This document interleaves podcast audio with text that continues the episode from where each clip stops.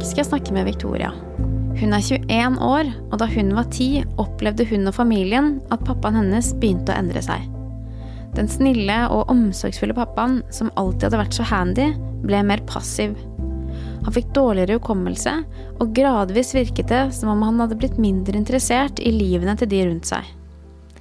Tre år etter at de merket de første endringene, fikk pappaen diagnosen Alzheimer og senere fikk de også vite at han hadde demens med leverlegemer. I denne episoden forteller Victoria om sin opplevelse av å ha en far med demens, og hvordan dette har preget hennes liv som tenåring og ungdom. Jeg heter Celine, og jeg var 14 år da min pappa fikk en demensdiagnose. Jeg er sykepleier og jobber i aldring og helse. Og i denne podkasten snakker jeg med unge likepersoner fra Nasjonalforeningen for folkehelsen som selv har hatt en forelder med demens. Demens er ikke en sykdom, men en tilstand som følge av mange ulike sykdommer eller skader i hjernen. En demenssykdom fører til endringer på annet hukommelse, språk, personlighet og evnen til å fungere i hverdagen. Sykdommene utvikler seg og blir gradvis verre over tid.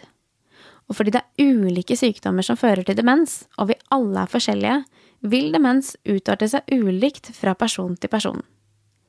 Selv om de fleste som får demens, er eldre, finnes det også personer som får demens på en tid i livet hvor de har barn i ung alder. I denne episoden forteller Victoria sin historie, og deler sine opplevelser av hvordan det var da hennes pappa fikk demens.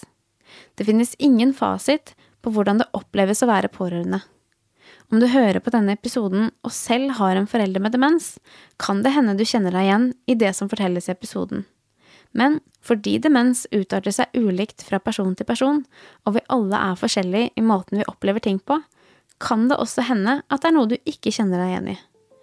Jeg håper likevel at du etter å ha hørt denne episoden vet at du ikke er alene om å ha en forelder med demens. Hei, Victoria. Hei, Celine. Så fint at du hadde lyst til å komme hit og snakke ja. litt med meg om det å ha en forelder med demens. Mm. Mm. Det er veldig hyggelig at du vil ha meg her. Ja. Og i dag så skal vi jo eh, snakke om din opplevelse av å ha en eh, pappa med demens. Ja. Og aller først så lurer jeg på hvem pappaen din var før han ble syk. Mm. Eh, min pappa Steinar, han eh, var en superflink sjefselektriker som reiste verden rundt på cruiseskip. Og så begynte han å jobbe på seismikkbåter og sånt. Eh, så han har vært verden rundt igjen og igjen og igjen. Eh, med sin fine dress, superstas, eh, møtt kjendiser, og det har ikke vært måte på det livet han har levd. Så han var veldig flink, ordentlig mann. Eh, men han var også verdens, verdens snilleste, av det jeg kan huske. Um, veldig rettferdig, og ikke noe spesielt uh, høylytt eller noe. Han var en rolig, god mann. Han var jo på båt halve livet mitt, egentlig, da. Så han var tre måneder på, og så tre måneder av. Og de månedene han var hjemme, så brukte han mye tid sammen med oss. Um, men var også flink til å liksom jobbe på huset og bygge, lage nytt kjøkken og nytt bad. Og alltid, ville alltid finne på noe, da. Mm. Da Victoria var 13 år, fikk pappaen hennes diagnosen Alzheimer. Da hadde han allerede oppført seg annerledes en stund. Han var jo en eh, rolig og stille mann fra før av. Men litt sånn, ikke plutselig, men sånn dag for dag. Og det kom litt sånn snikende at han eh, ble mer passiv. Altså han satt mer og mer foran TV-en og så på fotball. Eh, han ringte sjelden søsknene sine, mine tanter. Eh, og tok mindre og mindre del, vil jeg si, da, i våre liv. Og vanskelig for han å investere seg ordentlig. Um, for han Plutselig så glemte han kanskje navn på mine venninner, og det var litt vanskelig for han å henge med på hvordan mitt skoleliv og hvordan ting var utenom hjemmets fire vegger, da. Hvordan var det for deg, da? Hvordan opplevde du det liksom, da han ble sånn? Til å starte med så tenkte jeg Jeg vet ikke. Jeg var litt sånn eh, Tenkte at herregud, kanskje han ikke bryr seg så mye. Og eh, trodde at han var uinteressert da, i å ta del i våre liv. Um, men etter hvert så ble det jo mer og mer merkbart også av at han kunne bli mer hissig og aggressiv, og det har pappa aldri vært før. Uh, aldri vært en som har hevet stemmen sin over noen ting, og så plutselig så kunne han slå i vegger. Uh, heldigvis han ble aldri noe fysisk utover oss, eh, familien, noe som også kan skje med folk som får demens, men heldigvis så gikk det ikke så langt da med han. Pappaen til Victoria var bare 63 år da han fikk diagnosen Alzheimer. Når man er så ung, er gjerne ikke demens det første man tenker på når en skal stille en diagnose. Så veien mot en riktig diagnose ble derfor lang. Og som barn tok Victoria lite del i den prosessen. For meg som da var så ung, så var det ikke naturlig å skulle dra med meg også til sykehuset og sånt. Det var det bare mamma og pappa som gjorde. For pappa han skjønte selv at det var noe som ikke stemte. Så det var vel egentlig han som sa til mamma at nå må jeg til legen, for det er noe som ikke er helt på plass. Eller sånn, sånn som det skal være. Eh, og da Utredninga varte jo veldig lenge. Det var inn og ut av hukommelsesklinikker og ja, fram og tilbake. Og veldig mye tester. De typiske demenstestene man tar med klokka og sånt. Ja. Mange både kognitive tester og mm. medisinske tester som de tar da, for ja. å sette diagnosen. Mm. Og da finner man jo ut at det er eh, demens. At det er diagnosen Alzheimer fikk han påvist. Men det var på en måte det man fikk. Ok, nå har du et navn på det, men det var ikke, noe, ikke en brosjyre engang om hva denne sykdommen var for noe. Vi fikk ikke noe tilbud, ingen å prate med. Og det ble på en måte ikke tatt videre i kommunen at vedkommende hadde to barn under 18 år. Eh, så man ble veldig eh, alene om det. Det var bare innenfor husets fire vegger. Det var vi som visste om det. og vi får klare oss selv. Men visste du noe om hva det var for noe? på en måte?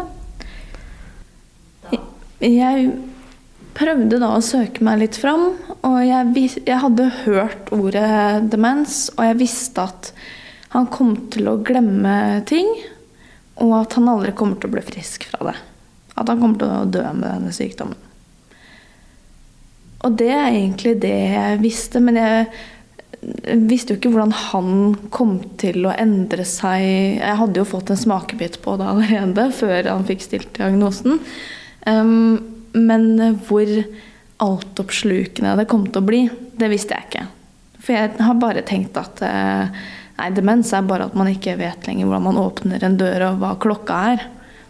Um, men det er jo veldig mye mer enn bare det. De fleste med demens har den sykdommen som pappa til Victoria hadde, altså Alzheimers sykdom. Vanlige symptomer ved denne demenstypen er redusert hukommelse, handlingssvikt og redusert språkevne. Alzheimer starter snikende og utvikler seg gradvis. De første symptomene kan derfor være temmelig vanskelig å legge merke til. Etter hvert som sykdommen utvikler seg, vil symptomene bli mer omfattende og pappaen til Victoria fikk etter hvert et større og større behov for hjelp fra de rundt seg, med det han ikke lenger fikk de selv. Og hvordan ble han da etter hvert, da? Så da var det, det Jeg vet jo at dere, dere delte på mange av de oppgavene etter hvert, du og mm. søsteren din og moren din. Hva var det han trengte hjelp med, eller hva måtte du bidra med, f.eks.? Um, han fikk medisiner ganske tidlig. Eh, og da trengte han hjelp med å skjønne om han skulle ta morgen- eller kveldsmedisin. Så han fikk de pakka inn i sånne dosetter, og da sto det kveld, eller så sto det morgen. Men om han skulle ta kveld- eller morgenmedisinen klokka ti på formiddagen, det var vanskelig. Så det måtte vi gi til han og liksom forklare veldig nøye. Dette er morgenmedisinen din, dette skal du ha nå. Ta dette. Ellers hadde ikke han fått i seg dette her. Um, og vi måtte vekke han gjerne da på morgenen før vi dro på skolen. få i han medisiner, smøre en brødskive, og så kunne vi reise av gårde på skolen og på jobb. Når man kom hjem igjen fra skolen, så var det dette, da hadde han mista mobilen sin. Han visste ikke hvor hammeren sin var. og man, man, gikk hele tiden og lette og lette etter ting. Hele tiden. Men så ble man også beskyldt da, for at uh, man hadde tatt denne hammeren. Men uh, hva, hva, skal jeg med en hammer? så det var veldig Altså det er sånn småting hele tiden, men det er konstant. Dag inn og dag ut. Og det blir mye. Og så blir jo disse anklagelsene større og større. For uh, selv om pappa fikk diagnosen Alzheimer, så viser det seg kanskje med tiden at han også fikk levi-legeme, eller levi-body-demens, da. Som er mer eller mindre det samme som Alzheimer, bare mer vrangforestillinger. Innslag av litt vrangforestillinger der. Ja, mm. og mer hallusinasjoner og ja. Eh, for det opplevde vi jo ganske klart da han etter hvert beskylder mamma for eh, at han ikke lenger kan sove på soverommet sitt fordi mamma parkerte den splitter nye bilen inne på soverommet hans. Som er ganske sånn Det blir jo en absurd ja. Veldig absurde veldig, Alt var en fantasi for han hele tiden. Og han hadde noen sånn klare øyeblikk innimellom, men det var vanskelig å skulle sette seg inn i hans verden og berolige han på det han så. For det, det visste jo ikke vi hva var. For da visste ikke dere kanskje at han også kunne ha den type mm, demens? Nei. nei. Da trodde vi egentlig at det var vanlig for en vanlig Alzheimer-diagnose. I tillegg til de typiske demenssymptomene kan demens med leverlegemer medføre synshallusinasjoner, søvnforstyrrelser og endret bevissthet og oppmerksomhet. Det er vanlig at symptomene veksler, vil si at hallusinasjonene ikke er til stede hele tiden, men kommer i perioder. De kan være til stede i korte perioder på noen timer eller opptil flere døgn, for så å være borte i en uke eller to før de kommer tilbake. Du var jo bare 13 da pappaen din fikk eh, demensdiagnosen. Mm. Hvordan, eh, hvordan, var det for deg? Hvordan opplevde du det? Eh, jeg opplevde det på veldig mange måter. For det var jo veldig tidlig i min ungdomstid hvor jeg begynte å bli hormonell, og puberteten var i full sving. Eh, og man skal da kunne være en god elev på ungdomsskolen, og du skal kunne være med venner og være en god venninne og kunne stille opp på det planet også. Men over det hele så eh, dominerer den rollen som eh, pårørende og datter til en syk person. Og det å da skulle bli en omsorgsperson for den syke eh, gjorde at det var veldig vanskelig å skulle kombinere alle de tre områdene. For uh, ungdomslivet består jo av mange roller, som du sier. ikke sant? Man skal jo Og er, jeg kan jo bare se for meg at liksom, ungdomslivet er vanskelig nok fra før, kanskje. Det er mye som skjer. Um, og som du sier, så kommer jo all den sykdommen her på en måte oppå, oppå alt. Uh, hvordan var det å stå i liksom den Imellom de, da? Og, følte du at det dro deg litt i alle retninger, kanskje? Mm. Ja, Absolutt. Jeg uh, syns det var veldig vanskelig å skulle sjonglere alle de rollene. Um, så det gjorde at jeg hadde veldig mye dårlig samvittighet. At jeg Jeg skulle gjerne ønske at jeg kunne være med på flere ting sammen med venner. Og uh, jeg skulle gjøre det så godt jeg kunne på skolen og alt sånt. Men samtidig så var det dårlig samvittighet overfor da pappa at jeg ikke gjorde nok for han. Eh, og at jeg ikke gjorde nok for meg selv heller. Så det var veldig mye Jeg ble, følte meg litt dratt i alle, mulig, alle ulike retninger. Hva gjorde du da, eller hva prioriterte du, liksom? Hvordan, hvordan så en dag ut for deg? Liksom? Hva var det du valgte å gjøre mest da? Liksom? Ja. Det jeg husker best, var at jeg prøvde å gjøre en kombinasjon av det. For det var jo ikke bare jeg som sto i dette her heller. Det var jo også min mor og min lillesøster som bodde da der eh, samtidig. Jeg har jo også tre eldre søsken som hadde flytta ut for en stund siden. Så de eh, eh, sto på en måte ikke oppe det på samme måte hver dag som vi gjorde når vi bodde sammen med han. Eh, så vi gjorde jo så godt vi kunne med å fordele holdt på å si, arbeidsoppgavene. Eh, mamma måtte jo jobbe hver dag. Eh, og lillesøsteren min hun var cheerleader og holdt på med det fem dager i uka. Så det var eh, Vi prøvde å fordele det så godt vi kunne. Eh, jeg var på skolen på dagtid, og så var jeg med hjemme med pappa på eh, kveldstid. Eh, så mye på dagtid måtte han klare seg mye seg selv. og det gikk jo bra til å starte med. Vi hadde komfyrvakt og brannslukningsapparat overalt, så vi tenkte at enn så lenge gikk det greit å ha han hjemme. Så det var det også, at man liksom satt på skolen og tenkte at nå er pappa hjemme alene, tenk om det skjer noen ting. Det høres ut som du hadde når du beskriver dine opplevelser, at du selv om du sitter på skolen, så tenker du på pappa hjemme.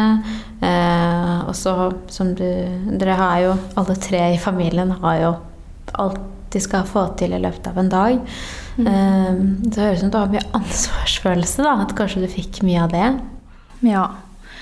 Eh, jeg satt jo da ikke med ansvaret helt alene. Det syns jeg er viktig å poengtere også. Men man føler jo at man eh, er veldig mye alene om det òg. For selv om jeg har søsken jeg kan prate med det om, og en mor som står i det hver dag, hun òg, så er det jo ikke alltid at alt jeg tenker på, har jeg lyst til å dele med min familie heller. Um, Hvem delte du med da? Eller snakka du med noen om det i det hele tatt?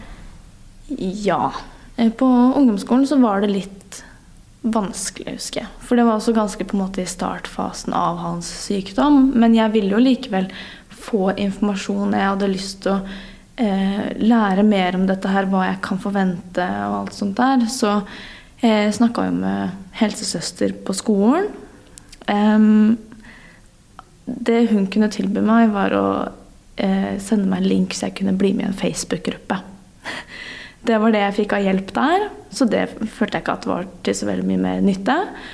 Um, men så fikk jeg kontakt med Nasjonalforeningen for folkehelsen. Uh, og fikk snakka litt med dem om situasjonen min, og godt å vite at det ikke var bare meg alene i den situasjonen. Uh, og så hadde jeg jo noen venninner jeg kunne prate med òg, men det var jo ikke det samme heller.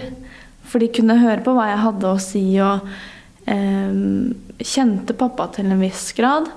Men det var vanskelig for dem å sette seg helt inn i situasjonen også.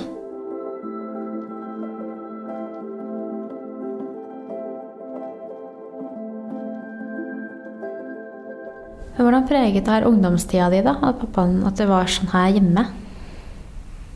Um, det har prega meg på at jeg eh, flere ganger, eller noen ganger, ikke kunne dra på skolen. Fordi at jeg heller måtte følge pappa til legekontoret, f.eks. Og jeg hadde jo ikke lappen på den tiden, så vi måtte da ta buss fram og tilbake. Og jeg måtte kjøpe billett for han, og jeg måtte bli med han inn til legetimen og sånt. Fordi mamma måtte være på jobb og tjene penger for oss. For da var jo ikke pappa i jobb lenger, og vi hadde kun én inntekt. Så det ble jo at man rullerte på de oppgavene der, og det gjorde også at jeg hang mye bakpå på skolen. Men heldigvis så hadde jeg jo lærere og sånt som eh, var veldig forståelsesfulle og ga meg utsettelser hvis jeg trengte det. Og jeg kunne sende melding en dag og si at eh, jeg tar tidlig helg, jeg kommer ikke på skolen i dag. For sa du det til læreren din? Ja, jeg ja. gjorde det. Og det var jo eh, Jeg syns det var betryggende å kunne ha eh, i hvert fall de rundt meg som skjønte at det, det, er greit å ikke møte opp på skolen hver dag, men det går jo bare utover meg selv igjen, da, egentlig. Da Victoria var 17 år og gikk på videregående, valgte hun å flytte hjemmefra for å kunne fullføre skolen. Da var pappaen blitt så syk og trengte såpass mye hjelp at hun ikke lenger klarte å konsentrere seg hjemme. Og det å flytte hjemmefra var noe hun allerede hadde tenkt på en stund. Ja, for da hadde jeg jo allerede Eller jeg hadde tenkt veldig nøye og gått gjennom dette her. For jeg hadde jo egentlig lyst til å flytte allerede året jeg skulle starte på videregående. Ja, jeg hadde lyst til å ta videregående i en helt annen kommune langt vekk. Eh, og hadde egentlig bestemt meg for det før jeg liksom bare tenker at nei, det, det kan jeg jo ikke. For da får jeg mamma og lillesøsteren min masse eh, mer å gjøre og mye mer ansvar for pappa. Jeg kan ikke la dem eh, gjøre enda mer. Og at jeg bare skal reise, det er jo helt eh, Det er utenkelig. Det var den dårlige samvittigheten som Det var dårlig samvittigheten som kom fram da. Eh, så jeg ble jo hjemme og hadde, gikk på videregående hjemme. Men da jeg skulle ta eksamen, så tenkte jeg at eh, nå må jeg bare la den dårlige samvittigheten være. Og så må jeg bare kjøre på og flytte hjemmefra. Nå, nå klarer jeg ikke mer, ellers så klarer jeg ikke å fullføre videregående. For jeg klarte ikke lenger da å sitte hjemme på soverommet og skulle pugge til en eksamen når det banka på døra hele tiden av pappa som trengte hjelp med glidelåsen eller å få tent sigaretten sin eller skifte kanal på TV-en eller finne hammer eller trenge litt mat eller medisiner. Og det, det var hele tiden. Eh, så det var godt å bare flytte hjemmefra i noen måneder og faktisk tenke litt på meg selv for første gang. Victoria forteller at hun ofte kunne kjenne på dårlig samvittighet, og at det var ulike grunner til dette. Jeg tror det handler mye om at eh, jeg var først og fremst veldig glad i pappa. Eh, han var jo min gode pappa, alltid gjort alt for meg. Hvorfor skal ikke jeg da gjøre alt for han når han plutselig trenger det? Um, og så var jeg også glad i mamma og lillesøsteren min og ville kunne avlaste dem mest mulig også. De skulle ikke ta på seg alt ansvaret. Jeg kunne gjerne ta en stor brøkdel av det òg. Um, så det da å prioritere seg selv og venner og ting som var gøy, hvis man kan si det sånn, mm. det var kanskje det som gjorde at du fikk dårlig samvittighet? da, Hvis du prioriterte andre ting enn å dra hjem og hjelpe? Ja. Ja, det var eh, For det var alltid i bakhodet på meg. Hvis jeg gjorde noe for min egen del, så visste jeg at jeg kunne gjort noe for pappa isteden. Um, ja. Mm. Og det vet jeg veldig mange kjenner på. Jeg tror, eh, jeg tror kanskje ikke jeg er den eneste pårørende som ikke har dårlig samvittighet. Det, det tror jeg vi alle har, mm. uansett eller hvor mye eller hvor eh, ja. lite man gjør. Victoria snakket ikke så mye om den dårlige samvittigheten med andre. Det var ikke før hun deltok på helgekurset Tid til å være ung, at hun snakket med andre om den dårlige samvittigheten hun følte på. Tid til å være ung er et landsdekkende tilbud for unge pårørende i alderen 18 til 30 år som har en mor eller far med demens. På kurset får deltakerne informasjon om demens og snakker med fagpersoner. De deltar også på felles aktiviteter og deler erfaringer med andre i samme situasjon. Det er Aldring og helse som administrerer kursene. Victoria forteller at det var godt å treffe og snakke med andre som kjente seg igjen i det hun følte og tenkte på. Det var først da man innså at oi, det er ikke bare jeg som sitter med de tankene her. Det her gjelder egentlig alle eh, som har en syk forelder. Um, for der møtte du jo mange andre som hadde en forelder med demens. Ja, mm. og det var kjempegodt å kunne faktisk få et utløp for de tankene og følelsene man hadde, og kunne prate om situasjoner som andre også hadde opplevd, i motsetning til å prate med egne venninner som aldri har opplevd noe lignende. da. Mm.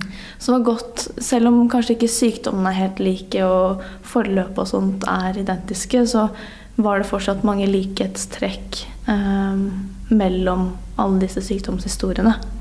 Som var veldig godt å høre på og kunne dele.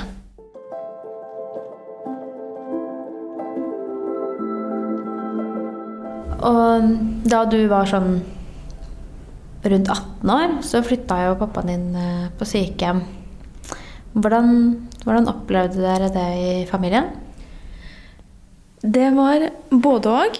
Det var veldig befriende å faktisk ha noen som eh, Vite at pappa har det trygt på stedet hvor han er, hvor han blir tatt godt vare på av eh, alle sykepleiere og helsefagarbeidere osv. De var veldig glad i pappa alle sammen der.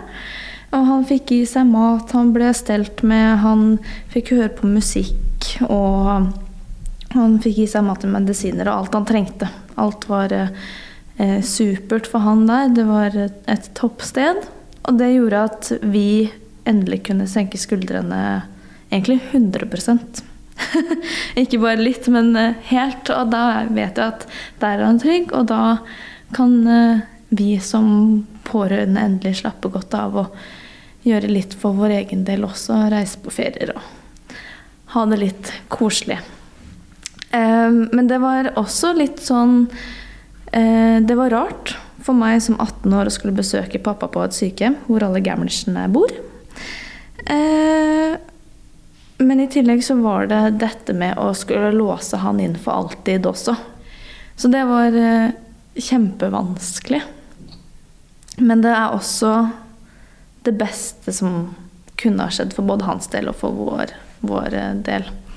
Men Trivdes han da på sykehjemmet? Pappa trivdes veldig godt etter hvert. Han gjorde det. Eh, han som var tidligere sjefselektriker på cruisebåt, han trodde at han var eh, tilbake der. Alle de ansatte på sykehjemmet, det var eh, hans kollegaer. Så han snakka gjerne engelsk med sine kollegaer. Eh, og så hadde sykehjemmet også runde vinduer, noe de gjerne har på et eh, cruiseskip. Eh, så han, han, var i arbeid dagen lang. Han, når vi var på besøk på ettermiddagen, da hadde han hatt en full arbeidsdag og vært i sikringsskapet, som egentlig vil si at han demonterte eh, barbermaskina si. Mye sånne Han fikla alltid med et eller annet, men det var det han gjorde når han var på jobb.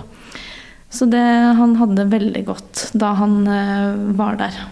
Han var liksom tilbake i glansdagene sine han da, når han mm. var på sykehjemmet? Absolutt. Han trivdes veldig, veldig godt der og gikk fortsatt i uniformen sin og tenkte at uh, ja, det var, det var, lange arbeidsdager, men han trivdes godt. Men det må jo ha vært sånn godt for dere og som pårørende å se at han trivdes, tenker jeg, på sykehjemmet. Ja. Mm. Det var godt å vite at han var på et uh, sted hvor han var uh, trygg. Og godt at han ikke bare vil hjem, vil hjem, vil hjem. For det hender jo ofte også for andre pårørende. Men vi var veldig heldige med at pappa fant seg godt til rette der ganske fort. Så da var det litt lettere å De gangene vi var på besøk hos han, så var det litt lettere å reise av gårde også. Mm. Mm. Du flytta jo ut når du var 17, men når pappaen din da kom på sykehjem, så flytta du hjem? Mm. mm. Ja, for da hadde ikke jeg lenger noe borteboendestipend å lene meg på. For det var jo pga. pappa at jeg flytta hjemmefra og fikk støtte til det. Men jeg syns det egentlig var like greit. Jeg ville jo bo helst hjemme sammen med mamma og lillesøsteren min. Eh, men da det måtte til å flytte ut for å kunne bestå skolen og kunne ta alle eksamener på videregående. Så det var godt å kunne flytte hjem igjen. Eh, og da heller bare besøke pappa når man følte at man hadde overskudd til det. Så kan jeg se på meg at hverdagslivet på en måte ble mindre prega av dårlig samvittighet når han da bodde borte. At du liksom mm. kunne være med venner og gjøre det du ellers ville gjort. Ja. Eh, og så kunne du heller prioritere å besøke han mm. når du hadde overskudd til det. Ja, mm. Det overskuddet hadde mye å si for at jeg skulle kunne ha det hyggelig sammen med pappa. Når han bodde hjemme, så var det jo eh, bare krangling, egentlig, og irritasjon fra min side. Så det var godt å kunne slappe av litt og kunne være litt egoistisk for en gangs skyld. Og så heller besøke pappa når man hadde overskudd til det, for da ble samtalene og møtet var mye hyggeligere. Og det er det jeg nå ser tilbake på eh, og har lyst til å kunne huske, da. Victoria er ung likeperson i Nasjonalforeningen for folkehelsen. Unge likepersoner er personer som selv har opplevd å ha en forelder med demens, og som ønsker å hjelpe andre i samme situasjon. Disse unge likepersonene har gjennomgått kurs i forbindelse med rollen og har taushetsplikt. En viktig del av denne rollen er å gi råd og hjelpe andre i samme situasjon. Hvilke råd vil du til andre da, som står i den situasjonen du sto i, om å føle på mye dårlig samvittighet fordi de Ja, hvis de velger å ikke være hjemme eller prioritere å hjelpe til, liksom? Ja. ja, jeg vil jo først og fremst si det med dårlig samvittighet at uh, jeg vet jo at hadde pappa vært frisk, så ville han jo aldri på en måte unna meg det å skulle sitte hjemme med han hver dag. Jeg skulle jo hadde fått lov til å gjøre akkurat som jeg hadde hatt lyst til, og jeg skulle hatt muligheten til å reise ut med venner og eh, alt det en far eller mor ønsker for sin sønn eller datter. Eh, så jeg tenker jo det at eh, den dårlige samvittigheten, den kommer man nok aldri helt unna. Den kommer til å sitte der, men det er samtidig viktig å prøve å tenke og minne seg selv på at eh, du er en datter eller sønn som hovedsakelig ikke engang skal trenge å ha dette ansvaret her. Du er ikke pliktig til noe som helst av dette her.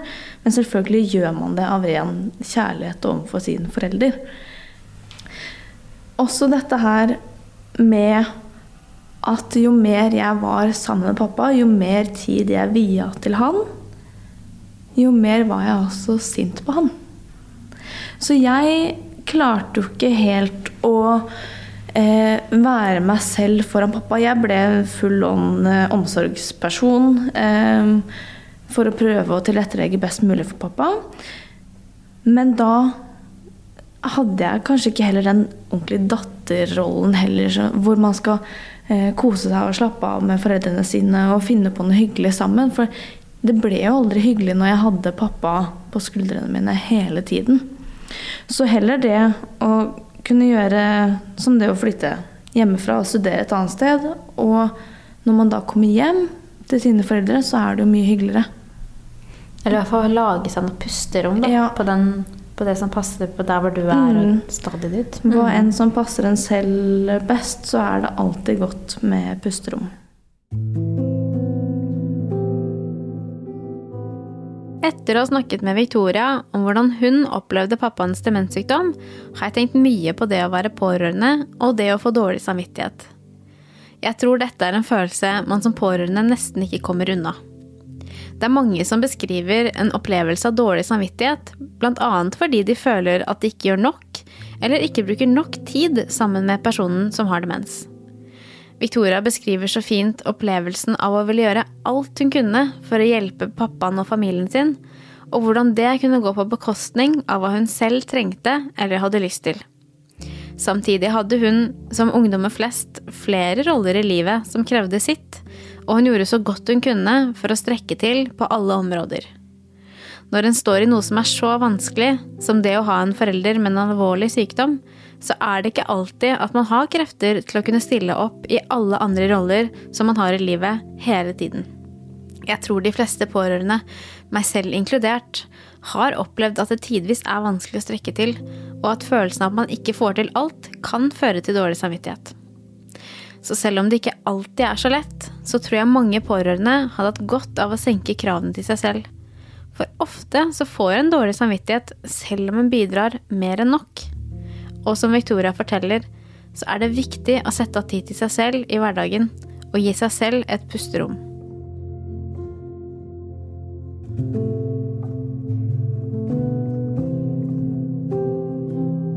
I neste episode av podkasten Tid til å være ung skal jeg snakke med Benedikte, som var 13 år da pappaen hennes begynte å endre seg. Og det skulle ta ti år før de fikk vite at han hadde diagnosen frontotemporaldemens. Eh, Han eh, var en uforutsigbar person. Han eh, kjørte bil som om han var en villmann. Han kunne vise fingeren til bussjåføren fordi han ikke slapp den fram når han ville forbi med bilen. Han forsynte seg først eh, uten at det har vært sagt 'vær så god' i familieselskaper eller venneselskaper. Um, han gjorde veldig mange rare ting som du ikke vil at en forelder skal gjøre når du er ungdom. Da skal de helst være mest nøytrale. Trenger du å snakke med noen etter å ha hørt på denne episoden? Ta kontakt med helsesykepleier på skolen, demenskoordinator, fastlegen eller annet helsepersonell rundt deg. Du kan også ringe Mental Helses hjelpetelefon på 116 123. Hvis det haster å snakke med noen, kan du ringe alarmtelefonen for barn og unge på 116 111. Har du selv en forelder med demens og ønsker å snakke med en i samme situasjon, kan du ta kontakt med Nasjonalforeningen for folkehelsens unge likepersoner. Har du spørsmål om demens, kan du ringe Demenslinjen på 23 12 0040. Aldring og helse har landsdekkende tilbud for barn og unge som har en forelder med demens. Les mer om disse og få annen informasjon om demens på tidtilværeung.no. Denne podkasten er laget av Nasjonal kompetansetjeneste for aldring og helse. Jeg heter Celine Haaland Johansen. Ansvarlig produsent er Martin Lundsvold. Fagkonsulent er Tale Kinne Rundquist. Teknisk produksjon er gjort av Headspin. Musikken er produsert av Synkpoint. Podkasten er laget i samarbeid med Nasjonalforeningen for folkehelsen på oppdrag fra Helsedirektoratet som en del av pårørendetiltakene i regjeringens demensplan. Takk for at du hørte på.